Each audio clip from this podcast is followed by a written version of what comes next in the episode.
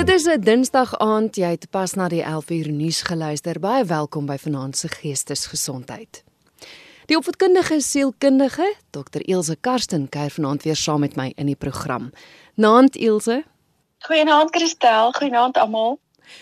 Elsje, dikwels kan alledaagse dinge vir ons groot probleme veroorsaak as daar skielik verandering intree.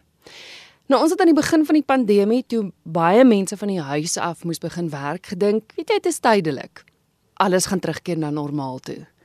Maar die laaste tyd het ek agtergekom in baie gevalle is dit nou die nuwe normaal. Hoe nou gemaak want ek weet ons baie mense wat regtig sukkel. Ja, Kristal, ek dink daai woord normaal kry heeltemal nuwe betekenis vir vir meeste van ons, jy weet. En COVID het eintlik die perdekar vir ons almal so 'n bietjie omgegooi. En as ek nou aan kan gaan met hierdie metafoor, jy weet, party van ons gooi ons hande in die lug want ons perde hardloop weg en ons het geen idee om hulle terug te kry en weer in te span nie. En vir ander mense, jy weet, hulle vryf hulle hande teen opgewonde te mekaar en hulle wonder, hoe gaan ek kies tussen al die opwindende deure wat nou vir hulle oopgaan? En die ongelukkige is die laasgenoemde nou in die minderheid, want hmm. meeste mense sukkel met verandering meeste mense hou nie daarvan om um, met nuwe dinge gekonfronteer te word nie want hulle moet aanpas, hulle moet dinge verander. En natuurlik het dit 'n uh, groot invloed op ons emosie ook. En jy het nou gepraat van die onsekerheid. Ons het gedink dit gaan vir 'n rukkie wees en dan gaan alles terug na normaal. Dit het ons nou lankal al besef is nie die geval nie. En ehm um, waar daar 'n klomp ander ernstige emosies was, jy weet groot stres en angstigheid, raak dit nou amper 'n permanente fase waarin ons vasgevang voel baie mense. En en dis baie moeilik. Jy weet en die verandering, die onsekerheid, die aanpassing wat nou heeltyd moet gebeur en ek weet nie wat môre bring nie en ek weet nie wat oormôre bring nie en ek's bekommerd oor my finansies en ek's bekommerd oor my kinders en ek's bekommerd oor my gesondheid en myself en daai konstante bekommernis jy weet ehm um, maak dinge regtig moeilik. So ja jy's reg ons um, ons sukkel ons sukkel Ja, want ek kom regtig agter, mense is angstig. En ek hoor wat jy sê, ons ons is die mense wat hou van verandering nie. So dit dra by tot daai angstigheid, maar dis asof hoe langer dit aangaan, hoe, hoe hoe meer bekommerd raak ek want dit dit het so invloed op soveel ander dinge in ons lewe, maar ek is seker ons gaan deur die loop van die aand sal ons daaroor gesels. Daai daai keuses wat ons nou het. Jy het nou genoem van party mense is opgewonde daaroor, ander nie. Kom ons kyk gou 'n bietjie na na hoe mense dit hanteer. Ja, ehm um, kyk ons is natuurlik almal verskillend. So ehm um, en en ek dink mense moet dit heeltyd in gedagte hou met enige iets, selfs met die emosies. Jy weet wat vir ene oue angstigheid bring is vir iemand anders 'n opgewondenheid. So daai groot verskil wat ons in as mense het, ehm um, speel ook 'n 'n baie groot rol en ons verstaan nie altyd mekaar nie. Maar as ons praat oor keuses in die algemeen, voel ons dat ons graag ons eie keuses wil wil hê, nee. Ek dink dit is 'n basiese behoefte van enige mens wat 'n goeie rige lewe wil hê, is om te sê maar ek maak my eie keuses en ek is in beheer van my eie keuses.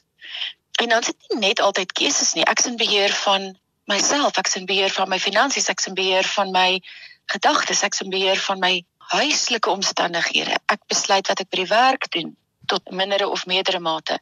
En nou word baie van daai beheer weggevat. So baie van die goed wat nou voor my deur staan, is ek nie in beheer van nie. Ek mag nie meer dien nie en ek mag nie meer daai nie. My salaris word gesny. Ek het niks beheer daaroor nie. Wat nou? En dan raak ons ongemaklik. Ongemaklik is nou 'n mooi woord, maar vir baie mense is dit regtig ernstig en die stres wat oorgaan in angstigheid. Ja, en dit en dit beïnvloed natuurlik meeste mense op, op een of ander manier. Nou moet ons kyk, maar wat wat se keuses het ek? Waar, waar staan ek? Jy weet wat wat staan my te doen? Ek sê gewoonlik vir mense daar's basiese drie keuses. En een enige een kan my kan my uitdaag om om meer by te sit, maar of ek aanvaar dinge maar net soos dit is en ek gaan aan soos wat uitdagings kom en ek gaan maar net aan. Dis een keuse. Ander keuse is om te sê maar ek moet verander. Ek kan nie ander mense verander nie. Ek kan nie ander omstandighede verander nie. wat natuurlik buite my beheer is nie, maar ek kan verander hoe ek daarna kyk en hoe ek optree. En die derde keuse in my opinie is om dan te sê maar ek wil glad nie meer dit hier wees nie. Ek gaan dit ek gaan heeltemal uitskuif. So met ander woorde ek bedank by die werk of ek skei of ek soek iets anders om te doen. So ek vat myself fisies uit die omstandigheid uit en kyk na ander opsies. Nie een van daai is noodwendig fantastiese opsies nie, maar dit is die opsies wat ek het. En en dit is nou maar eintlik waardeur mense dan praat en en te kyk waartoe gaan ek want elke keuse kom met 'n prys. Selfs goeie keuses. Ek gee iets op. En natuurlik het al alles voordele en nadele en dit is waar mens moet selfrefleksie doen en kyk en met ander mense gesels ensovoorts ensovoorts inligting inwin en sê maar wat kan ek doen? Hoe kan ek dit doen om 'n beter keuse eerder as 'n slegte keuse te maak? Ja, dit is so waar wat jy sê. Ons as mense is mal daaroor om in beheer te wees. En ek dink dit ja. is hoekom hierdie hele ding so ongelooflike invloed het op mense se geestesgesondheid. Want as jy mooi daaraan dink, as ons land in 'n situasie was waar dit net finansiële probleme was, korrupsie, daai tipe van goed, het jy nog die keuse gehad om te sê, "Goed, maar ek verwyder myself uit Suid-Afrika uit." Maar nou, mm. maak nie saak waarheen jy gaan nie, hierdie pandemie is met ons. Niemand mm. kan niks daaraan doen nie. So niemand is in beheer daarvan nie en ek dink dit is wat mense so absoluut moedeloos en magteloos laat. Ja, ja, jy is 100% en daai beheer, daai gevoel dat ek beheer verloor. Ja. Jy weet, en ek probeer vasgryp aan iets, maar daar's niks om aan vas te gryp nie. Ek dink daar is goeders om aan vas te gryp. Ja. maar dit voel dalk nie asof daar goeders is om aan vas te gryp nie. Jy weet, die, die een ding na die volgende gebeur en ek weet van so baie mense wat mense naby hulle verloor het aan die dood en wat regtig deur finansiële krisisse gaan. Daar is goeie stories ook. Jy weet en die mense wat ek wil amper sê baat vind uit die COVID pandemie. Daar is mense. Ja. Ehm um, hulle voel ook skuldig. Hulle sê maar oeg, jene, nou tel my werk op want ek's iemand wat maskers maak byvoorbeeld jy weet so nou tel my werk op ek kry meer geld maar ek voel skuldig daaroor want ek sien wat se tragedie eintlik rondom my aangaan Ja. So ek dink dit is 'n dis 'n baie moeilike ding om al die emosies half mooi in toom te hou. Maar as ons verwag, kyk verwagtinge is belangrik. As ons verwag dat dit moeilik gaan wees en ons kan ons verwagtinge bietjie meer realisties kry, dink ek gaan ons kan deur dit kom. Ek dink mense in die algemeen, ek het nou gesê ons sukkel met aanpasbaarheid, maar ek dink tog 'n mens het 'n ingeboude manier om om kreatief te dink en probleme op te los en aan te pas by omstandighede. As ons kyk na die verlede, in terapie doen ons dit baie. Ons ons vra vir mense, kyk terug na jou lewe en kyk waar moes jy al aanpassings maak? Van laerskool na hoërskool. Verskriklike groot aanpassing. Van hoërskool na universiteit of van universiteit na werk of van skool na werk of van een werk na 'n volgende werk of van enkellopend na in 'n verhouding ja. van in 'n verhouding na enkellopend. Ons het al hierdie goeters oorleef. en dit was groot emosionele dinge, maar ons ons het iewers ter iets in ons ingebou dat ons die kapasiteit het om aan te pas by dinge. Maar ons moet ook nie net aanpas en aanvaar nie. Ons moet aanpas en sê, hoe kan ek beter doen? Hoe kan ek iets leer uit my ervaring en dit vorentoe vat? Vorentoe vat vir myself as 'n nuwe vaardigheid, maar ook dalk vorentoe vat om iemand anders te help en om weer jy weet pay it forward iewers ter om om te voel maar dit is nie net verniet nie. Daar kom iets goeds uit iets wat dalk nie so so aangenaam was nie. Jy het net nou gepraat van voor en nadele. Dis baie uniek want jy het nou nou eintlik genoem ook wat vir een 'n voordeel is is dalk vir 'n ander een 'n nadeel. Ja, presies. Want ons verskil. Okay, so introverte, ekstroverte, mense het natuurlik verskillende voorkeure, dis vir een persoon vreeslik lekker om van die huis af te werk en vir iemand anders is dit baie baie moeilik. En dis ook as gevolg van die van die konteks, nê, nee, my hulpbronne. Ek het dalk nie spasie by die huis nie. Ek sou dalk daarvan gehou het, maar ek deel my twee vertrek huis met vier ander mense. So dit maak dit moeilik. Dalk het ek nie hulpbronne soos soos uh, internet by die huis nie. So hoe moet ek nou werk? dalk kan my werk dit nie toelaat nie. Ek dink ek praat baie keer met mense wat in banke werk. Jy weet, hulle sou graag van die huis af werk, maar hulle moet kliëntediens verskaf. So party kan van die huis af werk want hulle doen iets anders. En dan vergelyk hulle hulle weer met ander en voel dis onregverdig en dan raak dit 'n 'n gemors. Maar baie van die ander kontekste ook, jy weet die omstandighede vir 'n enkellopende jong introwert gaan dit heeltemal anders wees as vir 'n enkel ouer van 3 kinders wat voltyds werk. So die omstandighede is heeltemal anders. Ehm um, terloops Kristal, ek hoor 'n vriendin van my nou die dag gesels en sy sê sy noem enkelouer dubbelouer. Is dit nie mooi nie want eintlik doen hulle dubbel die werk. Hulle is eintlik 'n dubbelouer nie 'n enkelouer nie. Dit was vir my so mooi. Ja. Dis lieflik. Ja. Maar, maar ek wil hê ons moet 'n mm. bietjie kyk want ons fokus vanaand spesifiek op werk van die huis af. Omdat ek agtergekom het dit het regtig 'n invloed op baie mense en soos ons aan die begin gesê het, dit is nou 'n nuwe realiteit. Ek weet byvoorbeeld van iemand wie se werk vir hulle gesê het kantore word toegemaak. As daar 'n vergadering is, dan kan jy een van die kamers huur, maar andersins al die werk word van die huis af gedoen. So goed. Daai persoon moes al sy persoonlike dinge gaan haal het by die werk. Die kantoor maak toe. Die kantoor is nou by die huis. So kom ons kyk na daai aanpassing want ek weet geweldig baie mense sukkel om hulle huis en hulle werk van mekaar te onderskei. En ons gaan nou 'n bietjie kyk na die verskillende dinge en jy gaan raad gee van hoe om dit te hanteer. Want ek ek loop nou die dag 'n vriendin raak wat sy ek dink sy's 'n bietjie van 'n werks werkverslaafde want sy het altyd gependel, nou doen sy nie meer nie, maar nou sit sy 7 uur in die oggend tot 7 uur, party 9 uur in die aand in werk. Sy kry nie meer oefening in nie, sy eet skaars. So, kom ons kyk want ek dink mense sukkel met daai balans. So, Ilse, gee vir ons raad. Ja, ja Christel, ek dink jy is reg. Jy is 100% reg met die voorbeeld van daai van die vriendin. En natuurlik hang dit af van mens tot mens, soos ons gesê het. So kom ons hou dit heeltyd in gedagte. Ons verskil, ons is anders. Ja, so vir een 'n voordeel is vir ander 'n nadeel. Maar kom ons kyk na die aspek van tyd, nê. Nee. Corona het vir 'n klomp mense meer vlegbaarheid gegee. Nee, wat is die Engelse woord? Flexibility. So daar's baie meer vlegbaarheid in jou werksure byvoorbeeld. Natuurlik weer eens hang dit af van die werk. So party mense uh, wat by 'n bank werk, se besigheidsure bly maar dieselfde.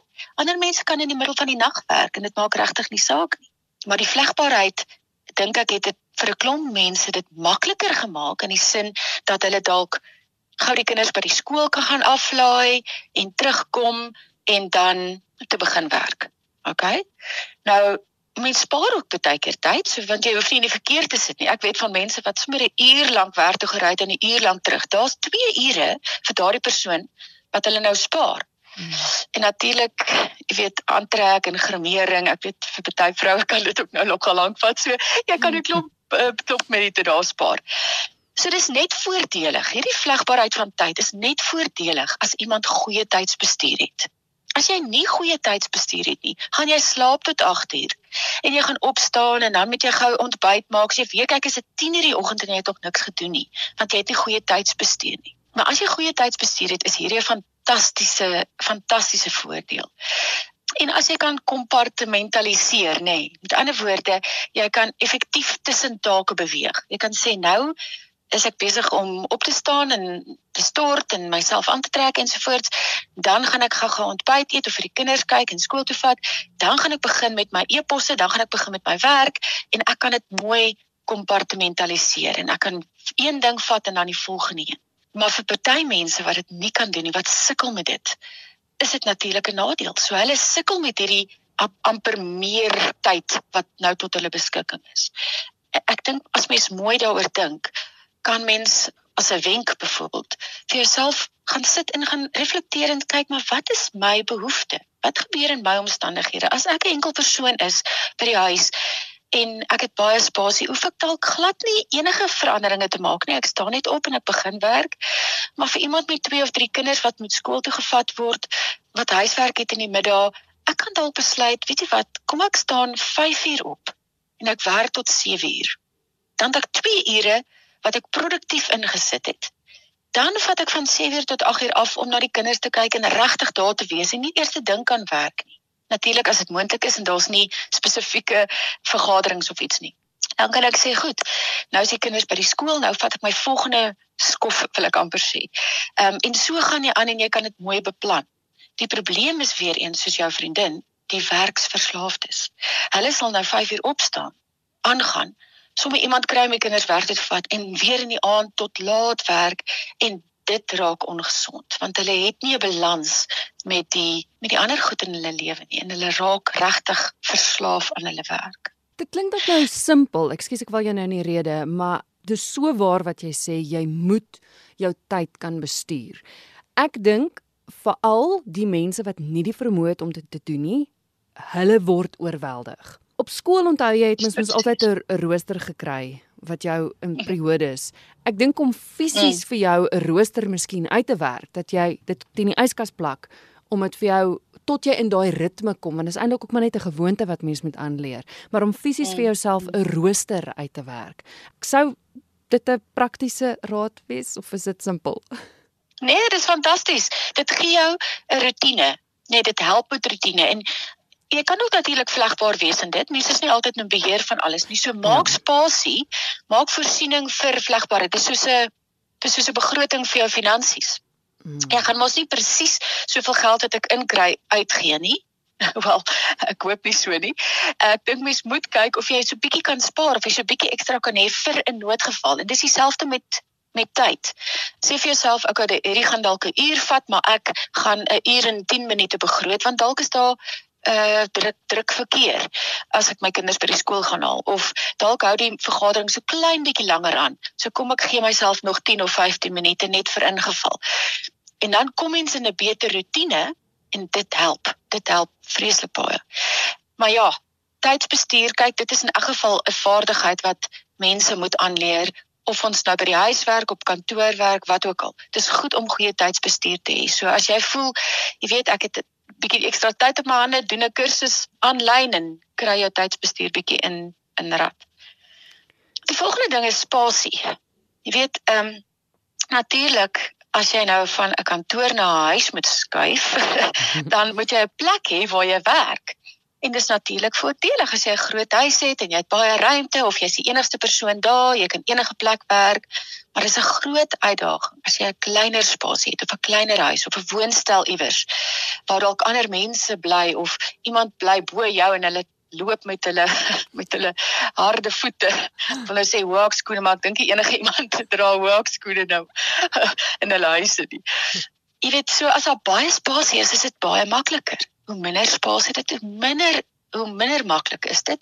En natuurlik is daar verskillende rolle in die huis. So elkeen moet nou hulle eie goed doen. So ek werk, ek's op kantoor wat nou by die huis is. Ek het my eie deel van 'n spasie wat ek dalk afgeskort het met 'n room divider. En dan het ek kinders dalk in die huis of ek het jong kindertjies, party moet leer, ander wil TV kyk, party is nog in doeke, baie keer het mense nog huishulpe of tuinwerkers wat buite besig is wat geluide maak en wat raas van die grassnyer is nou as nou aan. En baie keer is daar ouers wat in 'n huis bly of grootouers wat ook daar saam woon. Weet so dit maak die dinamika van die spasie regtig baie moeilik. En daar moet mense nou maar weer gaan kreatief kyk en sê, jy weet, moet ek 'n Wendy huisie iewers opsit, ehm um, waar ek of 'n speelplek vir die kinders maak of waar ek vir myself 'n kantoor in inrig dit het nou natuurlik uh finansiële uitgawes maar dit is definitief 'n probleem want mense is in mekaar se spasie loop agter verby terwyl ek op 'n Zoom vergadering is en ek weet dit is dit kan 'n groot gemors afgee en dit kan verhoudings ook beïnvloed op 'n negatiewe manier as ek nou geïrriteerd raak met die mense in my huis ehm um, wat nou wat nou my spasie opneem maar dis eintlik ook hulle spasie. So dis ook 'n groot uitdaging. Sou dit help as mense 'n huisvergadering hou in almal sit en jy verduidelik goed. Dit is wat ek nodig het, dis wat jy nodig het, dat elkeen presies weet wat die ander een se uitdagings is. Dink jy dit sou help dat dat jy die ander een se situasie verstaan en maak dat mens bietjie meer bietjie meer verstaan wat die ander een nodig het? Ja, ek dink dit is absoluut belangrik. Jy weet vir alles daar 'n paar mense is en as jy al klaar voel ons skaaf aan mekaar. Ehm um, ek dink nie dit sal help nie. Ek dink dit is eintlik onvermybaar mens moet hierdie kommunikasie hê. Dit gaan ons nou weer help om ons verhoudings beter te maak.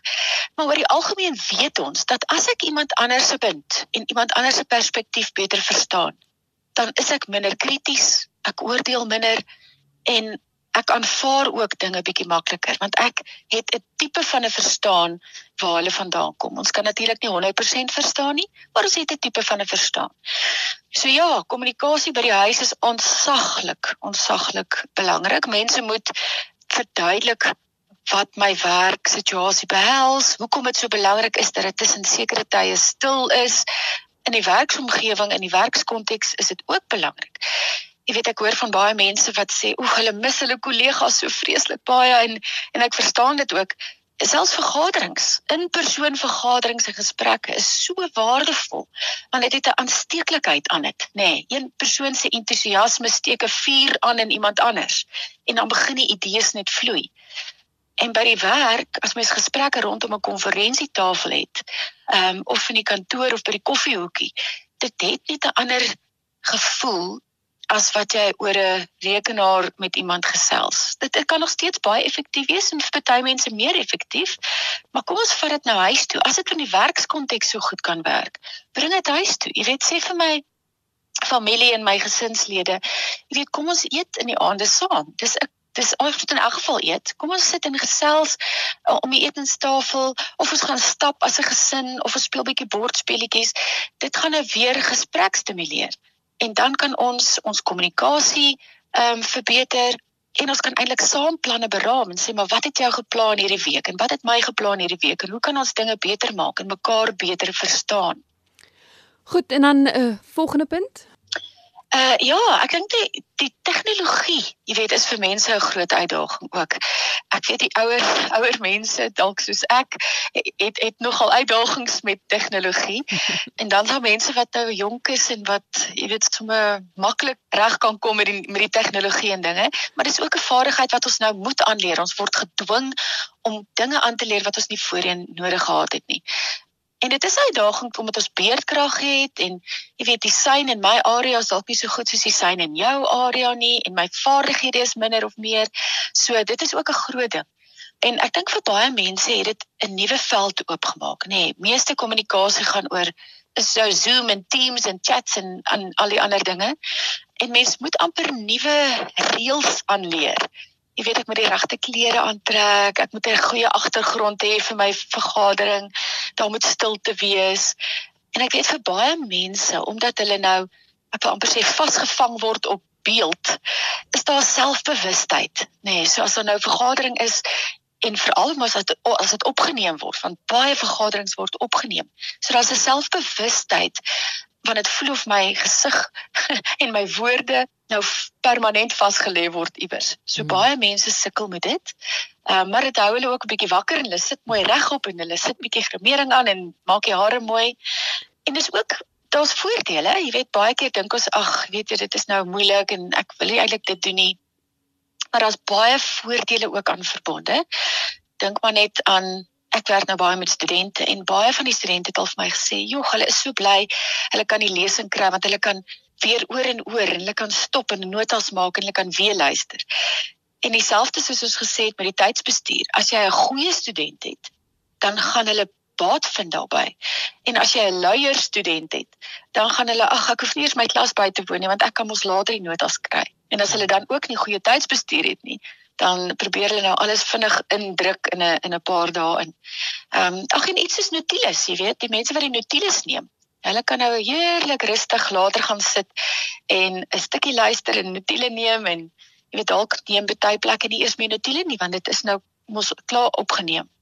So ehm um, inligting oor die algemeen is makliker bekombaar as gevolg van die tegnologie, maar dit is ook moeilik baie keer. As as ek as ek beedkrag het byvoorbeeld, En dan sê werkgewers soos jy nou nou 'n voorbeeld genoem het van iemand wat heeltemal hulle kantoor met huis toe skuif. Hulle moet amper 'n plan B maak. Wat ja. as die krag afgaan? Het ek 'n kragopwekker kry? Moet ek 'n databundel kry? Wat moet ek doen om seker te maak dat ek nog steeds my werk op dieselfde vlak van produktiwiteit kan lewer? En dit het natuurlik nou weer finansies, ehm um, finansiële impak. En finansies is die volgende een. Jy weet mm. baie mense het hulle werk verloor of hulle salarisse is verminder. En ons het al reeds in ons land so 'n groot werkloosheidsyfer. Jy weet, dit is eintlik skrikwekkend. Maar ja, daar's minder uitgawes want ek hoef nie brandstof in my kar te gooi nie, maar ek het nou weer meer uitgawes want ek moet sorg dat my internet goed is en dat my tegnologie goed is of ek het 'n foon nodig want ek moet mense bel van die huis af. So, ehm um, finansies eh, wat verskillend is vir elkeen is 'n baie groot stresfaktor in meeste mense se lewe en ongelukkig plaas dit dan nou weer druk op ander goederes, verhoudings ensovoorts. Ek dink die die die laaste miskien omstandighede wat bestuur moet word ehm um, volgens my is emosionele uitdagings kristel. Baie mense voel voel oorweldig. Ons het in die begin gesê die emosionele uitdagings van stres en van angstigheid wat baie mense ervaar. Jy weet en saam met dit voel baie mense alleen. Omdat hulle nou van die huis af werk, hulle mis hulle kollegas. Baie mense sê hulle is eensaam. En soos met meeste emosionele uitdagings, moet ons dan gaan kyk na ons emosionele intelligensie. Nou emosionele intelligensie dink ek is al baie oor gepraat en hopelik weet die luisteraars baie van dit.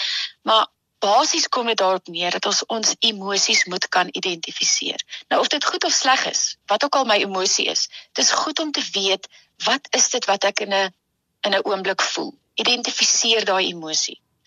Tweedens moet ek gaan identifiseer wat die rede is vir die emosie. Hoekom voel ek so? Wat het dit nou teweeggebring? Wat het dit getrigger? En dan gaan staan ek 'n tree terug as dit nodig is en ek observeer en ek analiseer en ek evalueer hierdie hierdie gedrag van my, hierdie emosie van my. En ek sê vir myself, okay, wat wat is die beste om in hierdie te doen? Onthou as dit nou nog gepraat oor ons keuses. So ek gaan gaan kyk en en en probeer observeer wat is die moontlike keuses wat my nou, nou te doen staan. En dan besluit ek wat een is die beste en dan gaan ek oor na aksie toe. Maar baie intense emosies het meer bestuur nodig. Jy weet as mens praat oor 'n normale tipe stres, dan jy weet ons almal het dit, ons het dit nodig eintlik ook. Ehm um, en ons het al eintlik maniere en strategieë om die stres te bestuur. Maar wanneer ons angstig voel, wanneer ons reaksie op die stres angstigheid is, dan begin angstigheid gewoonlik in my lyf. Met ander woorde, ek sukkel om asem te haal of ek uh, kry hoofpynne of ek begin aan die bewe Jy weet daar's verskillende reaksies vir verskillende mense en dan moet ek ander strategieë net om myself weer tot bedaring te bring en te voel maar okay, laat ek net laat ek net myself weer vind voordat ek aangaan met hierdie proses. En dit sal nou iets wees soos ehm um, ons noem dit grounding, jy weet om asem te haal, tel tot by 10, verwyder jouself fisies of emosioneel van die situasie net vir 'n rukkie um, al daai mindfulness oefeninge wat mens wat mens eintlik van praat dis heeltemal 'n sessie op homself. Ehm um, maar om jouself net weer emosioneel terug te bring by 'n punt waar ek kalm is en sê okay, nou kan ek net weer beheer neem oor my situasie en my reaksie tot die situasie. En ons weet eintlik almal dat ons goeie gewoontes hier moet volg. Ons weet ons moet gereeld selfrefleksie doen. Ons moet praat oor ons gevoelens en as ek nie oor met iemand kan praat nie, moet ek dit neerskryf. Ehm um, ons weet ons moet goeie oefening kry, gesond eet, genoeg slaap, positief met onsself praat, bou aan ons verhoudings met ons medemens. Ons weet ons moet ons verhouding met God 'n prioriteit maak. Ons moet in die algemeen ons prioriteite reg hê. Ons moet goeie rotines volg, dit wat ons nou nou gesê het. Ons moet probeer lag, die humor in goed sien ensovoorts. So daai is basiese goed wat ons eintlik weet en wat ons eintlik in in, in plek kan kry voordat ons op 'n probleem situasie hoef te fokus. Maar ja, emosionele uitdagings is baie baie groot vir baie mense en dit is nodig om om aandag daaraan te gee. Jy is ingeskakel op RSG en jy luister na Geestesgesondheid op 'n Dinsdag aand na die 11uur nuus saam met my Christel Webber en my gas is die opvoedkundige sielkundige Dr Ilse Karsten. Ilse, jy praat nou van stres en ons het nou gekyk na die verskillende dinge, tyd, ehm um, spasie, finansies en al daai dinge veroorsaak by mense stres. Nie noodwendig by almal dieselfde punt nie, maar stres voel vir my, is ek reg as ek sê as jy die stres kan uitskakel, dan gaan dit alles makliker maak. Ja, ek dink die lewe sal baie makliker wees sonder stres, maar ons het 'n mate van stres nodig. Want 'n mate van kom ons noem dit druk is tog 'n mate van 'n rede vir motivering, nê. Nee. Met ander woorde, ek ek dink altyd aan die voorbeeld van 'n atleet. As hulle sê op jou merke, gereed. Jy weet, daai is 'n stresvolle tyd want ek ek, ek ek sit my lyf reg, ek gaan nou hardloop. Mm. en dit is 'n dis 'n stresvolle situasie, maar dit motiveer my om my bes te gee en dan gaan nie ek kry die go sign en dan hardloop ek en dan gaan jou lyf in aksie. Maar as ek glad nie daai stres het nie. As elkeen kan maar net gaan en op hulle eie hardloop en jy weet gaan sê maar net ek het nou om die baan gehardloop, dan is daar geen druk nie. Daar's geen motivering nie. So 'n klein bietjie stres is goed vir ons want dit motiveer ons. Dit druk ons om iets te doen. So ons het daai bietjie nodig. 'n Normale bietjie. Wanneer dit buite beheer raak, dan raak ons ongeduldig, ek sukkel om aan te pas by my omgewing. Die verandering is nou vir my te moeilik. Ek kan nie meer my uit, uitdagings hanteer nie. En wanneer ek stres nie goed hanteer nie, dan raak my funksionering van elke dag ongesond. En dis waar geestesgesondheidsprobleme inkom. Ek kan nie meer funksioneer soos ek funksioneer het nie. Dan raak dit eintlik maar 'n slegte sirkel, jy weet, en, en dit affekteer my emosioneel meer, dit affekteer my sosiaal, my verhoudings en dit raak 'n groot 'n groot gemors eintlik. So ek moet dan vir myself sê, hoe moet ek hierdie stres hanteer? Ek dink 'n paar van die goed het ons nou reeds genoem, al die basiese goed van kry oefening, eet gesond, slaap goed om so lank 'n goeie fondasie te lê vir die feit dat as stres kom, is ek al reeds in 'n goeie rotines. Maar ons moet besef, jy weet, mense is verskillend en ek moet geduldig wees. So besluit voor die tyd as my geduld getoets word, wat moet ek doen?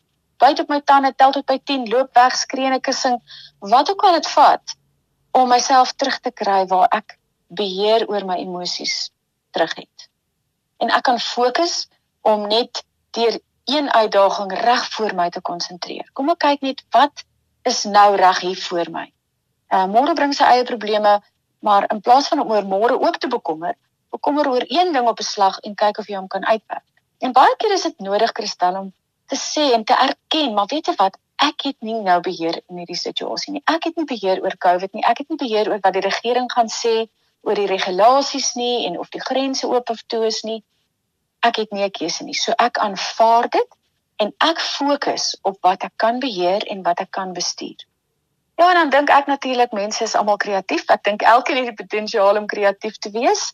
So maak daai deel van jou brein wakker en beraam planne en en kyk of jy betekenis in klein dingetjies kan kry. Ons moet nie die lesse vergeet van die moeilike tye nie. In die begin van COVID het ons almal baie goed gedoen. Ek onthou al die ehm um, gesprekke en die fotos en die grappies op Facebook en oral. Mense het met hulle kinders gespeel, nuwe resepte uitprobeer. Ja. Ehm um, gewerk aan hulle rekenaarvaardigheid begin skryf kreatief geoefen, groentetuine aan die gang gekry. Daar was so baie goeie goed. Jy weet en op die ou end dink ek ehm um, het dit so 'n bietjie agterweë gebly. So kom ons gaan dink weer daaroor en sê maar daar was goeie goed wat daar uitgekom het. Kom ons gaan aan met dit. Ja, so dis 'n dis 'n klomp goed dink ek wat ons in plek kan stel om ons stres beter te bestuur. Dis so wonderlik eintlik want ons sê nou jy's nie in beheer nie, maar tog is daar so baie waar waar jy in beheer kan wees om om te besluit hoe jy jou tyd bestuur, om te besluit hoe jy jou ruimte benut. Dis tog dinge waar jy in beheer kan wees. Absoluut. Kyk of jy nou wil of nie, die uitdagings kom en jy moet dit op een of ander manier hanteer. So die beste sal wees as gaan sit en dink daaroor en sê oké, okay, kom ek sien hierdie as 'n uitdaging. Hierdie is nou vir my 'n uh, 'n nuwe probleem. Ek moet nou 'n kantoor by my huis kry en daar is nie genoeg plek nie. Wat gaan ek doen? So begin vir jouself kreatief brainstorm wil ek sê en gaan dink oor dit en maak vir jou 'n lysie van goed wat selfs al klink klink dit so bietjie simpel. Wat dink ek, wat kan hierdie werk? Kan ek buite sit en werk? Wat kan ek doen? Dan gaan kykie wat ander mense al gedoen het. Ja, o, jy weet, dit is nie asof ek die enigste een is wat hierdie probleem. Dan gaan vra ek die mense naby my om te vra, wat dink jy van hierdie van hierdie moontlike oplossing van my? Of wat dink jy van hierdie moontlike oplossing? En elkeen gee 'n opinie en daar kry ek nog mense se opinies bymekaar. So ek aktiveer so 'n bietjie my ondersteuningssisteem, nê. Nee. Dan gaan kyk ek hoe prakties moontlik dit kan wees. Dalk moet ek met my werkgewer gaan gesels en sê wat dink hy of sy van hierdie opsie. En dit is maar waar die kreatiwiteit inkom. Ek ek hoor al hoe meer en meer hulle sê die nie akademiese behoefte wat werkgewers het is kreatiewe probleemoplossing. As hulle iemand aanstel, hulle soek iemand wat die werk kan doen, ja, maar hulle soek iemand wat bietjie buite die boks kan dink. So ek dink dit is dis 'n goeie is 'n goeie ding om aan te gaan en om regtig bietjie kreatief daaroor te dink. Kyk, is 'n mond vol. Ek dink jy het wonderlike praktiese raad gegee. Uh, ek weet op 'n stadium het jy ook iets genoem van jy kan nuwe stelsels in plek kry, liggies wat wat aangesit kan word of tekens vir jou huismense dat hulle kan sien jy's besig, hulle moenie pla nie. So dis waar wat jy sê, daai kreatief anders dink en ja, ek onthou aan die begin van die pandemie was almal nogals opgewonde oor lewenskwaliteite en goed wat teruggekom het. En dis waar wat jy sê, dis asof almal daarvan vergeet het. Ja, absoluut. Ek dit maak geleenthede oop. Jy weet Kristel, ek en ek en my sissies was so bevoorreg om baie tyd by my ouers se werk deur te bring. En ek baie kinders het voor Covid nie 'n idee eintlik wat hulle ouers gedoen het nie. Die hmm. pa of die ma gaan werk toe en kom huis toe in die laatmiddag of in die aand en hulle was by die werk. En 'n kind se brein vul amper nou in wat hulle dink die ouer gedoen het by die werk, okay? So op 'n op 'n goeie dag gaan die pa vroeg werk toe en kom in die aand huis toe en hulle eet as 'n gesin saam en daar gaan jy. Nou werk die pa of die ma van die huis af. So dis heeltemal anders. Maar ja, dit vat my terug na my my pa was 'n slagter. Okay, en hy het sy eie slaggies gehad en hy was 'n uitstekende besigheidsman. En ek sê nou dit was 'n voorreg, jy weet om so baie tyd daar by die slaghuis deur te bring. As jy my as 'n kind gevra het, sou ek definitief nie gesê dit was 'n voorreg nie. Ek sou baie gekla het. Maar my ma het ook daar gewerk, jy weet, en ons was te jonk om alleen by die huis te bly, so ons moes na skool daar in die slaghuis gaan sit. Nou ek onthou nog goed ons huiswerk gedoen daar en die kliënt het met ons gesels en ons het geleer om onsself besig te hou in 'n klein spasie. Maar Ons het ook onbewustelik 'n hele klomp goed observering geleer. Hoe besigheid werk, hoe bestellings en afleweringe werk, hoe om met kliënte te kommunikeer. Ehm um, hoe my pa byvoorbeeld sy span mense bestuur het. Ons het dit geobserveer. Ons het baie geleer oor geld. Ons het gesien wat dit beteken om hard te werk. Ons het geleer oor waardes en etiek in die werksplek. En al daai goeders was onderbewustelik of onbewustelik, maar dit het, het tog 'n fondasie gelê vir ons idee van wat werk is. Nou hoekom sê ek dit? Want ouers moet besef dat kinders op 'n informele manier vreeslik baie dinge leer. Hulle observeer en hulle sien alles, nê. Nee. En dis 'n uitstekende geleentheid eintlik vir ouers om die beste te maak van die blootstelling wat hulle kinders het wanneer hulle hulle ouers by die huis sien werk. En dis natuurlik vir almal moontlik nie want ek weet party mense se werke is is baie konfidensieel ensovoorts. Maar ek kan dink aan maniere, hoe kan ek my kind leer van tydsbestuur? Kan ek my kind leer as hulle na my kyk wat werksetiek is, wat professionaliteit is? En daar is altyd twee kante van 'n saak is om te oorweeg. Hoe om geduldig te wees, hoe om te kommunikeer, hoe om dankbaarheid te wees, hoe om komplimente te gee. Daar is so baie dinge wat ons aan kan dink om te sê maar hoe kan ek my deur my net my werk te doen. Maar omdat dit nou by die huis is, sien mense my. En omdat kinders se oogies alles raak sien, leer hulle nou op 'n manier by my by my as 'n rolmodel, by my voorbeeld. So kom ek kyk of ek dit nog meer pertinent kan maak en vir hulle goeie lesse kan leer. So ek dink dit is 'n dis 'n goeie ding. Ekskuus, jy het nou nou gesê oor die lampie. Dis dis iets wat ek ook gehoor het iewers dis verskriklik oulik om 'n stelsel in plek te kry waar die ooreenkoms en dis nou dalk in hierdie huisvergadering wat jy sê om 'n ooreenkoms aan te gaan met my familielede. Om te sê hierdie is my werkspasie en ek het 'n lampie hier. En as my lampie brand, beteken dit jy moet stil wees en jy moenie naby kom nie. Jy moenie vra of jy net gou ietsie kan doen nie. Daar's geen manier dat jy naby kan kom nie. As die lampie af is, dan weet ek ek mag stadig nader kom en ek mag dalk 'n vraag vra. As dit natuurlik moontlik is en jy het jou eie kantoor waar 'n deur oop of toe kan wees, is dit ook 'n goeie stelsel. Maar ek dink dit is genodig en dit is goed vir 'n gesin om te weet hier is ook nuwe reëls. Nou, hierdie is nuwe reëls en dit is hoe ons mekaar respekteer want ons weet dat die ander persoon iets nodig het wat ek dalk kan bied of wat ek kan help en as ek weer iets nodig het, dan gee dit my die geleentheid om dit ook eerlik te kommunikeer. Ja, wonderlik. Baie dankie. My kop vir een is geswaai. Jy laat mens anders dink en ek dink mens kan nou vorentoe gaan met nuwe idees, nuwe planne en soos jy sê wees kreatief en ag ek dink wees sag op mekaar want almal van ons beleef al hierdie dinge op ons eie want soos jy gesê het ons is verskillend en ek dink ons moet bietjie sagter met mekaar wees en dit ook in ag neem. Dankie. Ja, dis wonderlik. Ja. Ehm um, Christel, ek het uh, net as ter afsluiting 'n uh, so mooi aanhaling gelees van Thomas Edison. Ja. Dit sê when you have exhausted all possibilities, remember this, you haven't.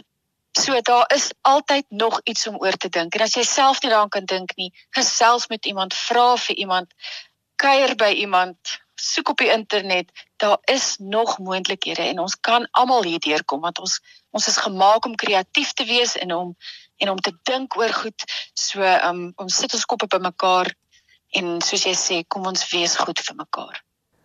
Ek het gesels met die opvoedkundige sielkundige Dr. Elsje Karsten. Geestesgesondheid is beskikbaar as potgooi op ons webwerf rsg.co.za. So gaan luister weer na die program of stuur dit sommer aan iemand wat daarby sal baat vind. My e-posadres is kristel@rsg.co.za.